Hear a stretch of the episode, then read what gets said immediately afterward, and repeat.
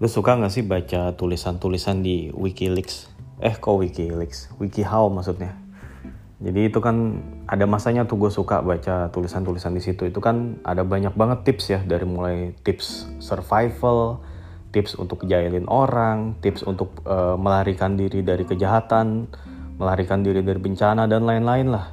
Itu berguna banget. Ada ada masanya tuh gue suka tuh baca-baca itu gitu ya. Dan tanpa kita, sadari juga yang di keseharian kita pun kita juga mempraktekkan skill-skill survival dan juga life hack life hack itu untuk membuat hidup kita tuh lebih mudah gitu. Apa aja sih life hack yang common gitu kan? Itu kan kalau yang common kan itu bagaimana cara uh, lo survive di hutan atau bagaimana cara survive di kebakaran dan lain-lain. Itu kan common ya. Itu kan yang life threatening inilah uh, survival gitu. Nah kalau ini yang common-common aja nih yang bisa lo temuin sehari-hari. Itu dulu gue contohnya ya, ketika dulu main bola di sekolah itu kan nggak diizinin pakai bola yang dari kulit atau bola yang standar. Jadinya tuh disiasatin sama anak-anak itu untuk main pakai bola plastik. Nah, main pakai bola plastik itu kan kendalanya adalah itu bola kalau dipantulin itu kan mantulnya sangat-sangat nggak terkendali gitu. Jadinya nggak nggak realistis gitu. Nggak kayak main bola beneran. Dan juga uh, ya uh, namanya juga plastik ya. Itu kalau bolanya itu dilambungin maksudnya bola yang melayang gitu. Itu kalau bolanya nggak di apa namanya dibiarin kayak gitu aja gitu maksudnya. Itu akan uh, apa ya elevasi bolanya itu jadi susah untuk dikontrol gitu. Dan supaya lebih enak mainnya. Itu anak-anak tuh ngempesin bola dengan cara bolanya tuh ditusuk dicoblos pakai paku ya. Hmm, atau pakai jarum atau apa pun lah benda-benda yang tajam gitu ya. Sedikit aja satu bolongan gitu aja. Di bagian tengah itu kan kalau bola plastik itu kan terbuat dari plastik sambungan gitu ya. Jadi pas di sambungannya itu di bagian atas lo tusuk di situ supaya anginnya keluar ya udah jadilah itu bola jadi lebih enak ditendangnya enak untuk di spin di diangkat di dijebret lah digebok lah itu jadi enak tuh. Udah udah jadi bikin ilusi kayak main bola beneran gitu. Terus begitu juga anak-anak tuh emang banyak akal yang sih apalagi kalau zaman dulu ya yang mainnya tuh di luar gitu ya. Main keluar main ke jalanan gitu ya. Kalau misalnya ada yang mau diambil misalnya mau ngambil buah nih di pohon orang gitu yang pohonnya tinggi gitu ya. Walaupun ini jangan ditiru ya. Tapi dulu tuh bisa gitu anak kecil tuh ngambil dengan nyambit nyambit buahnya nyengget nyengget pakai galah atau main songgo songgoan ya tahu nggak sih songgo songgoan ya gitulah pokoknya. Terus uh, anak kecil juga ada banyak lah akalnya zaman dulu. Bikin ketap bikin katapel itu pakai uh, pakai apa namanya pakai batang pohon yang udah uh, jatuh gitu dibikin pakai karet ban ya. Dan ada juga ya uh, kayak semacam uh, life hack life hack yang praktis gitu ya. Sebenarnya kalau kita tahu ini bakalan bikin hidup kita tuh lebih gampang gitu lebih berguna gitu. Contohnya juga um, ketika kita ngecat rumah nih. Ngecat rumah itu kan uh, kita bawa kaleng cat kita taruh kalengnya di bawah kita buka udah udahlah mulai kita ngecat pakai kuas gitu. Ya nah tapi um, itu kan kalau kita ngecat ya selap sebagaimana layaknya kita ngecat kita celupin kuas ke cat itu kan abis itu bleberan ya. Kok bleberan bahasanya? Kalau terlalu banyak catnya itu kan kita akan kita akan peper-peperin tuh di pinggiran-pinggiran kaleng cat gitu. Yang mana itu jadi apa jadi boros gitu karena itu jadi ngebuang-buang cat kalau kayak gitu. Nah itu ada cara. Ya pakai aja tuh karet ban kalau lu punya karet ban ya. Terus lu lilitin karet itu ke kaleng cat jadi lu ketika lu peper-peperin lu peperin ke situ. Jadi supaya uh, cat-catnya yang sisa yang lu peperin itu jatuh lagi ke bawah supaya masih bisa dipakai lagi. Gitu loh. Terus um, itu kan apa namanya life hack life hack yang umum sebenarnya. Yang sehari-hari lo temuin tuh apalagi sih tadi selain ngebolongin bola pakai paku atau jarum ya.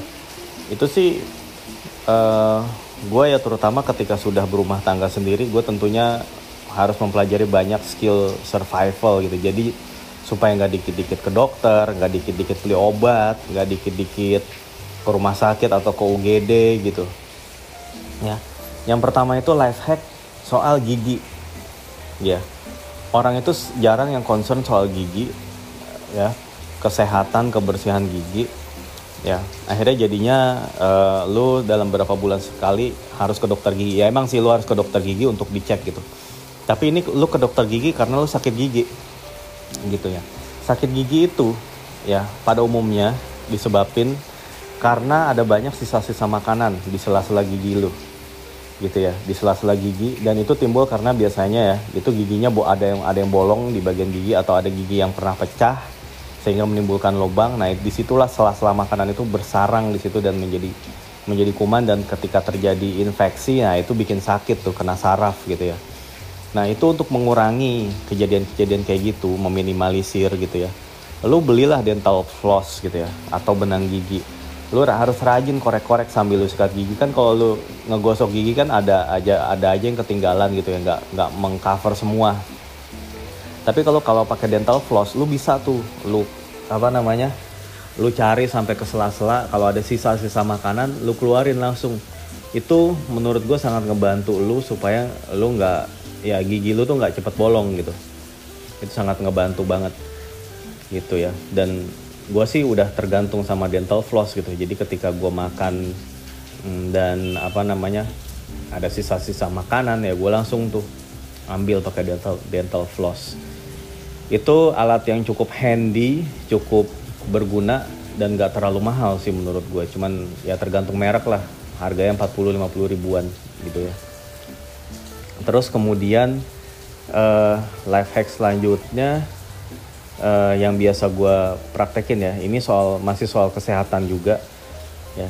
Gue itu selalu punya um, satu obat luar ya dan juga beberapa uh, obat minum yang berguna untuk menyembuhin banyak banget penyakit terutama penyakit-penyakit ringan ya.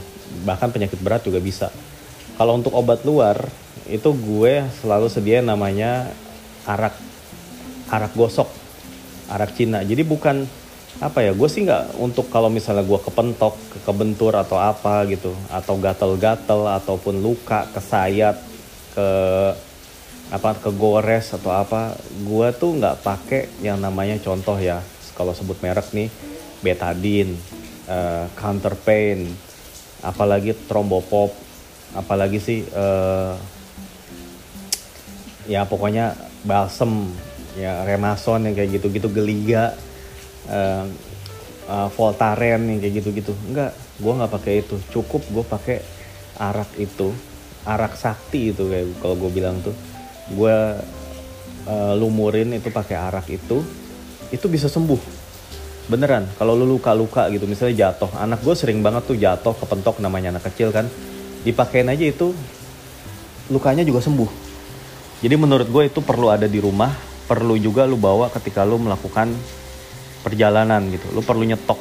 Itu harganya nggak nggak mahal kok. Itu kalau di online marketplace itu paling harganya sekitar antara 50 75 ribu. Tergantung jenisnya tergantung tokonya. Pokoknya itu arak warnanya tuh coklat ya. Warna cairannya tuh saya kayak warna kecoklatan coklat gelap gitu ya coklat kehitaman. Dan itu baunya nyengat emang. Baunya nyengat. Cuman yang nggak usah khawatir namanya juga itu basisnya alkohol ya.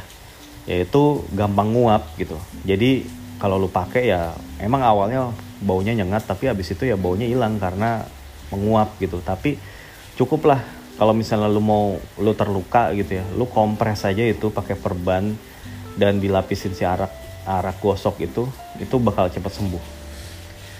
Nah terus kalau obat minum ya itu lu harus sedia ya selain paracetamol ya dan juga obat-obatan pribadi lainnya gitu ya itu lu harus sedia juga um, yang namanya habatus sauda lalu kemudian minyak VCO dan juga madu. Itu basic kalau gue bilang. Madu ya selain nyembuhin penyakit itu nambah tenaga. VCO itu nyembuhin berbagai macam batuk. Akan ngeluarin lendir-lendir dalam tubuh lu. Ngeluarin reak dahak ya. Ya itu ya lu pokoknya kalau misalnya susah ngeluarin apa dahak lu itu pakai VCO pakai minyak VCO itu ampuh. Dan juga habatus sauda itu benar-benar antivirus yang emang udah dari zaman Nabi ya itu digunakan gitu. Dan itu juga bisa nyembuhin kanker. Ya gue pernah punya ada kenal orang yang ketika dia mengidap kanker rahim gitu ya dia minumin terus tuh habatus sauda 10 kali sehari maksudnya 10 tablet 10 kapsul itu kan kayak dikapsulin ya. Lu minum 10 kapsul kapsul sehari pagi dan sore gitu ya. 55 ya. Selama bisa hitungan tergantung sih tergantung parahnya penyakit ya. Bisa berbulan-bulan bisa setahunan berapa tahunan. Nah itu waktu itu orang yang gue kenal itu sembuh dari kanker bersih. Jadi ketika dia kencing katanya suatu ketika itu kayak keluar darah dan keluar kayak daging gitu ya. Itu nggak taunya sel kankernya itu rontok di situ. Dan pas diperiksa sama dokter ya sel kankernya benar-benar hilang. Gitu ternyata minum itu bisa nyembuhin kanker. Dan juga uh, sebagai antivirus juga gue pernah ya minum itu tapi gue terpaksa berada seruangan sama temen yang lagi sakit mata ya. Dan untungnya alhamdulillah ketika gue berdekatan sama teman gue yang sakit mata itu dan gue sudah minum mengonsumsi habatus sauda itu gue nggak tertular loh.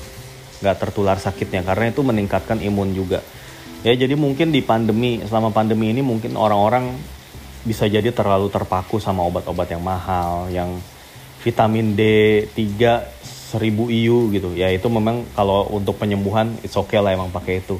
Tapi ada yang beli sampai sampai impor sampai beli jutaan gitu. Ya yang mana menurut gue ya itu juga perlu sih. Ya lu perlu nyetok itulah dalam kondisi kayak gini. Tapi dengan lu minum habatus sauda menurut gue itu juga udah ngebantu.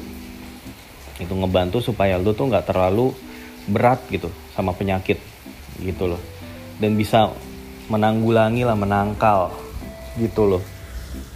Ya udah selain itu ya ini mungkin tips yang udah di luar kesehatan lagi supaya nggak boring ya itu tips ketika memilih menu makanan. Misalnya lu suka makanan Jepang nih masakan Jepang.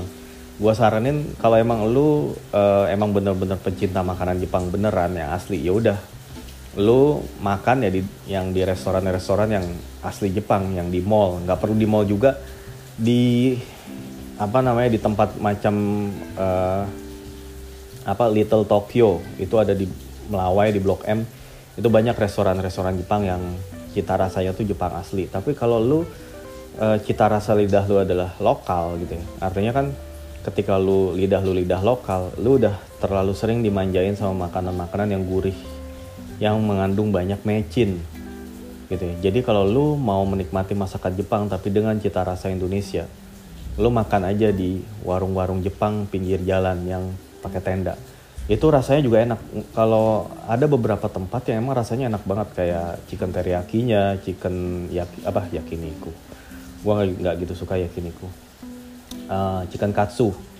Katsu teriyaki dan biasanya mereka itu ngeracik uh, mayonesnya sendiri. Wah itu enak banget. Dan sausnya sendiri itu enak. Menurut gue itu lebih enak daripada tuh, lu sok-sokan makan di restoran Jepang yang mungkin hambar buat lu. Gitu. Terus habis itu um, apa ya kopi nih kalau lu pencinta kopi susu ya kopsus atau latte gitu ya bukan pencinta kopi yang beneran kopi banget yang wah pokoknya gue anak kopi banget deh. Pokoknya gue cuman suka kopi hitam yang nggak pakai apa-apa. Kalau kopi pakai susu tuh udah bukan kopi lagi deh gitu. Itu gue nggak ngomong yang kayak gitu gue nggak mau komentarin yang itu. Tapi gue mau uh, ngasih tips buat lo yang doyan kopi susu dan kopi susunya yang perasa-perasa saran gue lo nggak usah pesen yang rasa-rasa entah itu hazelnut apa biasanya lagi vanilla atau almond lah. Saran gue jangan. Kenapa? Karena selain itu harganya akan lebih mahal melonjak di situ ya. Menurut gue lo akan bisa lebih puas kalau lo bikin sendiri ya. Banyak banget sirup sirup rasa hazelnut almond ataupun vanilla gitu ya yang bisa lo pakai jadi mendingan uh, kalau lo beli kopsus atau latte lu beli aja di situ beli literan nggak usah pakai gula. Nah lu terus lu tambahin sendiri sesuai selera dia tuh pakai sirup hazelnut lu. Karena dari pengalaman gue ya kalau misalnya lu beli kopi rasa, rasa hazelnut atau rasa vanilla gitu itu tuh uh, si kedai kopi itu akan ngecharge tambahan sekitar puluhan ribu tambah gitu kalau misalnya seliter biasanya uh, kopi latte 50 ribu atau 60 ribu. Kalau pakai hazelnut itu bisa jadi 100 ribu men. Serius nggak worth it lah. Atau ketika lu minum minumnya di gelas gitu ya uh, biasanya kan orang yang suka nanyain uh, ini pakai tambah hazelnut? Nah itu biasanya akan di, di lu di charge ekstra 8000 10000 gitu. Yang mana itu menurut gue kemahalan nih itu bisa hampir setengahnya dari harga minuman yang lu pesen gitu. Yang mana itu sih bukan bukan ekstra lagi ya itu kayak lu mesen satu ya kayak setara lu minum eh, apa mesen setengah gelas minum lagi gitu. Yang mana menurut gue itu nggak nggak masuk akal. Dan emang sepertinya itu adalah ya dengan perasa-perasa seperti itu itu kesempatan buat si pemilik toko untuk ngambil keuntungan nih semaksimal mungkin. Karena lu tuh bisa beli ya sirup-sirup hazelnut yang kayak gitu itu ya tergantung ukurannya juga sih. Itu dengan harga yang uh, antara 50 75 ribu ya sampai 100 ribu lah. Tergantung ukuran dan tergantung merek juga. Ya. Jadi ya saran gue mendingan lu beli yang tawar lu tambahin sendiri gitu ya. Itu bisa menghemat lu banyak banget gitu ya.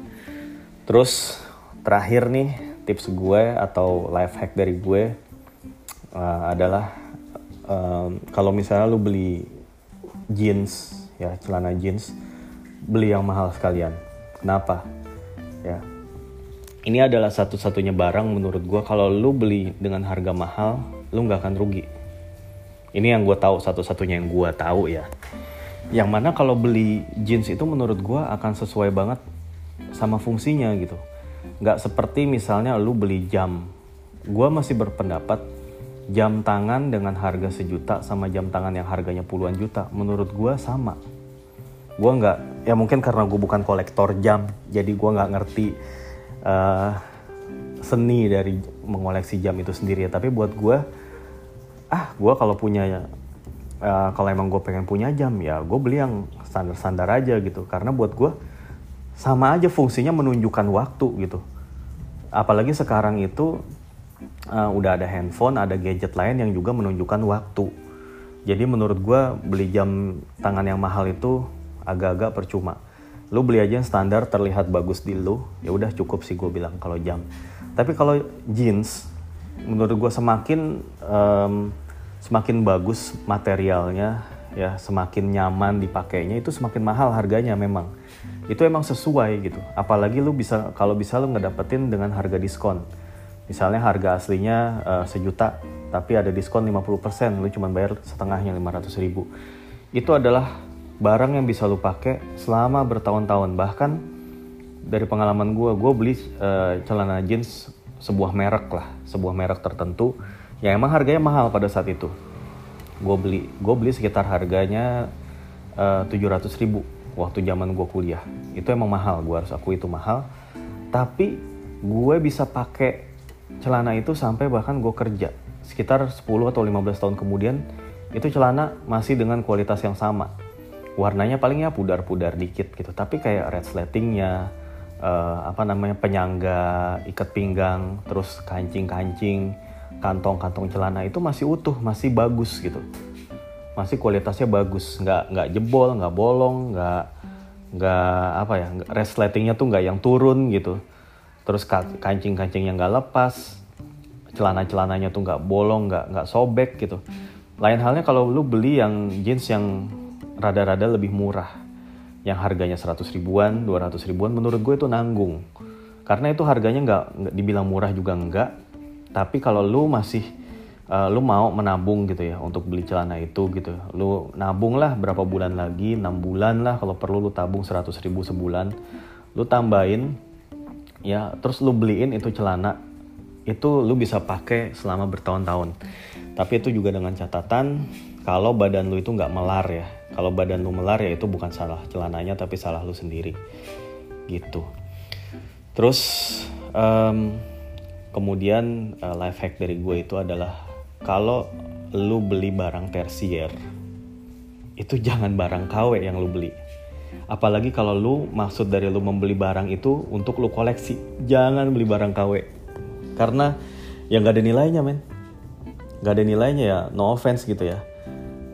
Contohnya nih jersey bola nih. Jersey bola yang yang gue tahu aja. Jersey bola itu kan kalau barang asli emang harganya mahal. Ratusan ribu ya 500 ribu ke atas sampai jutaan. Apalagi kalau baru keluar gitu ya. Sementara yang KW itu harganya 10 persennya paling 100 ribu 150 ribu tergantung lah si sellernya itu mau bilang itu grade ori lah KW super KW super Thailand KW super Cina apalah dia mau nyebutnya itu tapi yang jelas kesimpulannya KW itu palsu fake ya dan yang namanya barang palsu itu Pertama ya dari sisi hukum ilegal. Dari sisi etika bisnis itu mencuri. Ya, lu uh, pakai merek yang udah terdaftar milik orang lain, tapi kemudian merek itu lu pakai, lu dagangkan uh, dengan bermaksud supaya dapat keuntungan pribadi dari situ. Itu kan mencuri sama aja. Dan yang namanya mencuri ya lu harus mempertanggungjawabkannya. Kalau nggak di sini ya di alam yang berikutnya gitu. Tapi anyway, um, ketika lu sebagai pembeli di sini gitu ya membeli barang KW untuk barang yang tersier jersey bola itu tersier loh kalau menurut gue. Dan uh, yang namanya kebutuhan tersier kalau lu nggak penuhi itu nggak bikin lu mati kan. Lu lu tetap bisa hidup walaupun lu nggak punya jersey bola ya nggak? Jadinya sayang kalau gue bilang ya. Kalau lu pengen membeli sebuah barang tersier tersebut tapi dengan kualitas yang kualitas yang nggak oke dan barangnya palsu buat apa kalau gue bilang jadi ya kecuali kalau lu emang ya lu ngerasa ah udahlah gue nggak akan jual juga gue pakai ya itu urusan lu lah. Tapi kalau lu niatnya pengen lu pajang-pajang lu koleksi lu buat kasih ke anak gitu ya. Atau apalagi kalau lu mau jual lagi gitu. Ya lu beli yang asli lah. Karena yang asli itulah yang ada nilainya gitu. Dan nilai jersey itu kadang-kadang semakin vintage, semakin rare, semakin lama, semakin jadul tapi misalnya jersey itu langka dan momennya pas gitu. Misalnya jersey treble winners Manchester United 99, jersey treble Barcelona 2009, jersey jersey lawasnya AC Milan atau jersey jersey lawasnya Juventus Del Piero gitu. Atau ya dan sejenisnya lah gitu ya. Atau Lazio BP Signori atau Roma Totti gitu ya. Itu kalau lu punya barang originalnya itu akan mahal men itu bisa jadi investment lu itu tadinya lu belinya ratusan ribu ya ketika lu jual berapa tahun kemudian itu bisa jadi jutaan. Tentunya tergantung kondisi juga gitu ya. Kondisinya masih bagus nggak tuh barang gitu ya. Tapi kalau itu jersey KW ya mau lu barang lu itu sebagus apa pun lu mau taruh di lemari penyimpan yang kayak berangkas KW it's uh, it's, it's KW gitu ya. Kalau lu jualnya ke kolektor lu langsung lihat apaan nih jersey KW lu jual ke gua? gitu. Kecuali kalau lu mencoba untuk nipu orang yang nggak ngerti ya baru mulai pengen ngoleksi jersey lu jual nih. Lu ngaku-ngaku ini asli padahal KW lu jual jutaan. Ya tapi itu urusan lu sekali lagi gitu ya. Tapi yang jelas menurut gue uh, jersey KW itu nggak usah dibeli. Ya dan um, apa ya sebetulnya kalau misalnya alasannya ah mahal jersey asli original mahal. Menurut gue itu juga nggak bisa jadi jadi satu-satunya alasan kenapa. Karena jersey KW pun juga mahal. Jersey KW tuh lu bisa beli 100 ribu sampai 200 ribu loh. Bahkan jersey KW yang rare yang pernah gue lihat itu ada seller yang ngejual 200an sampai 300 ribuan. Padahal dengan uang segitu lu juga bisa dapetin jersey original dengan harga miring. Misalnya kalau ada orang yang jual BU karena butuh duit ya dia dia punya jersey original dia jual dengan harga rendah. Ya lu kan bisa dapetin di bawah harga pasar. Atau misalnya lu uh, lihat ada lelangan jersey di Facebook atau Twitter gitu ya. Itu kan banyak jersey-jersey yang bagus gitu ya yang rare juga gitu ya. Yang harganya itu kemungkinan besar itu akan di bawah pasaran juga gitu. Kecuali kalau ada sultan-sultan yang ikut lelang ya. Tapi kalau misalnya lu meminati jersey klub Liga Rusia nih atau Liga Kroasia gitu ya yang jarang peminatnya eh tiba-tiba muncul di lelangan. Nah kan kemungkinan besar itu saingan lu akan sedikit ya. Dan harga yang lu bisa dapetin itu bisa jauh lebih murah. Ketimbang misalnya lu uh, beli langsung di tokonya di official store dari klubnya itu itu pasti mahal. Ya tapi kan lu bisa dapetin barang murah dari lelangan-lelangan seperti itu contohnya. Atau lu beli jersey diskonan yang misalnya udah uh, udah lewat setahun gitu. Misalnya lu jersey beli jersey musim lalu ya itu pasti ada diskonnya. Entah itu ya dari mulai 10 sampai 50% tergantung dari policy dari si tokonya itu. Artinya menurut gua nggak ada alasan lah. Kalau misalnya lu ngerasa ah jersey original tuh kemahalan gitu. Karena pada kenyataannya lu bisa didapetin jersey original dengan harga 200 ribu, 300 ribu ya bahkan kalau di lelangan lu bisa di atas 100 ribuan gitu. Bisa juga. Gitu. Jadi uh, lu harus well informed juga. Jadi nggak ada alasan kalau lu uh, pengen mengoleksi jersey uh, original gitu. Kecuali kalau emang lu niatnya ah gue cuman gue pakai doang gitu. Buat main bola doang buat ya tapi itu pun tetap sih. Kalau bisa mah jangan gitu ya. Jangan jangan membudayakan membeli barang-barang palsu gitu kan. Kalau bisa kan kayak gitu ya. Ini juga berlaku buat gitar sih ya. Gitar kan itu juga banyak palsunya. Itu tapi di online marketplace itu wah itu bertebaran banget gitar-gitar palsu.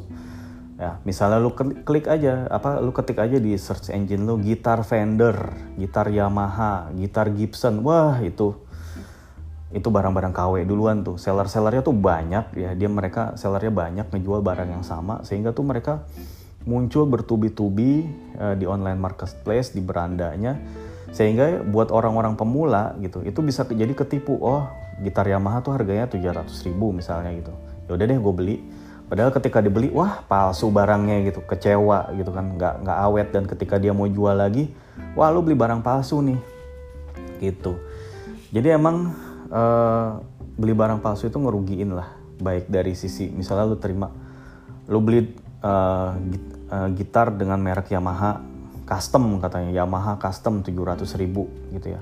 Wih gila gue dapat gitar bagus tapi murah nih. Eh padahal pas dicoba dimainin berkali-kali Ya jelek amat nih gitar. Masa gitar 700 ribu kayak gini gitu contohnya? Ya itu karena palsu.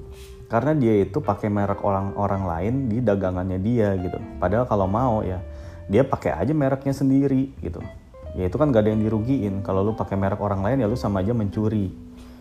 Gitu loh. Um, dan sat, salah satu alternatif gitu ya. Misalnya lu um, pengen punya gitar yang bagus lah gitu ya. Gitar yang bagus bukan gitar sayur gitu ya. Lu pengen beli gitar bagus budget lu tuh cuma 700 ribu. Tapi lu pengen gitar yang bagus. Menurut gua lu tinggal bersabar sedikit nabung tiga bulan lagi aja lu bisa punya uang sejuta misalnya lu bisa beli tuh gitar-gitar asli yang mereknya misalnya mereknya cowboy atau apa pun lah gitu ya. Itu gitar-gitar asli tapi memang mereknya itu nggak seterkenal uh, Yamaha atau Fender atau Epiphone lain-lain gitu.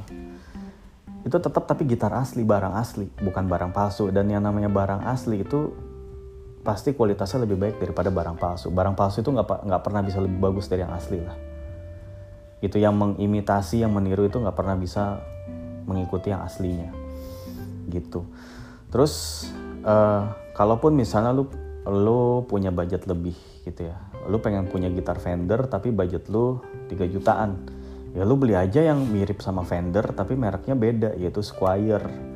Nah Squire itu kan uh, merek apa ya ya merek anak-anak perusahaannya si vendor gitu. Jadi emang vendor itu mengakuisisi Squire yang mana itu adalah merek gitar untuk yang low end gitu ya, gitar gitar gitar entry level ya. Untuk menggait nih pasar-pasar uh, para pemula gitu. Ya udah lu beli aja Squire itu kan bentuknya sama kayak vendor, playability-nya juga nggak jauh beda ya. Mungkin kalau lu udah semakin expert maininnya lu bakalan bakalan ngerasain aduh ini gitar gak enak banget ya. Dan seiring meningkatnya skill lu pengalaman lu lu, lu udah dapat penghasilan baru lalu bisa beli yang merek vendor beneran gitu. Ya jadinya emang uh, menurut gue ya kalau lu ya beli barang palsu itu sama aja lu cari jalan pintas sih ya. Lu pengen terlihat cool dengan barang palsu itu gitu ya. Lu pengen terlihat wah wih gile bagus banget tuh gitar gitu. Bagus banget tuh sepatu gitu. Bagus banget tuh baju padahal itu semua palsu gitu. Itu dengan lu berbuat seperti itu lu malah kayak ya itu sih lu ya kayak gitulah nggak nggak ya lu nggak getting real lah gitu. Padahal ya ya kalau emang lu uh, bisanya beli segitu ya udah gitu. Karena untuk untuk hal-hal yang tersier terutama ya lu nggak ada yang maksa lu untuk bisa bergaya sesuai yang orang inginkan gitu. Ya lu ya kalau untuk eh, kebutuhan-kebutuhan tersier tadi ya yang ngerti ininya yang ngerti keinginan lu ya diri lu sendiri gitu. Jadinya karena itulah menurut gue ya beli aja barang asli gitu. Beli, beli barang asli bersabar dikit gitu. Pasti itu hasilnya akan lebih memuaskan gitu. Oke ya gue rasa itu aja deh yang mau gue sampaikan di dalam episode ini. Semoga ini nggak ada unsur-unsur sambat-sambat. Soalnya tujuannya bukan itu sih. Ya udah deh see you again ya. Bye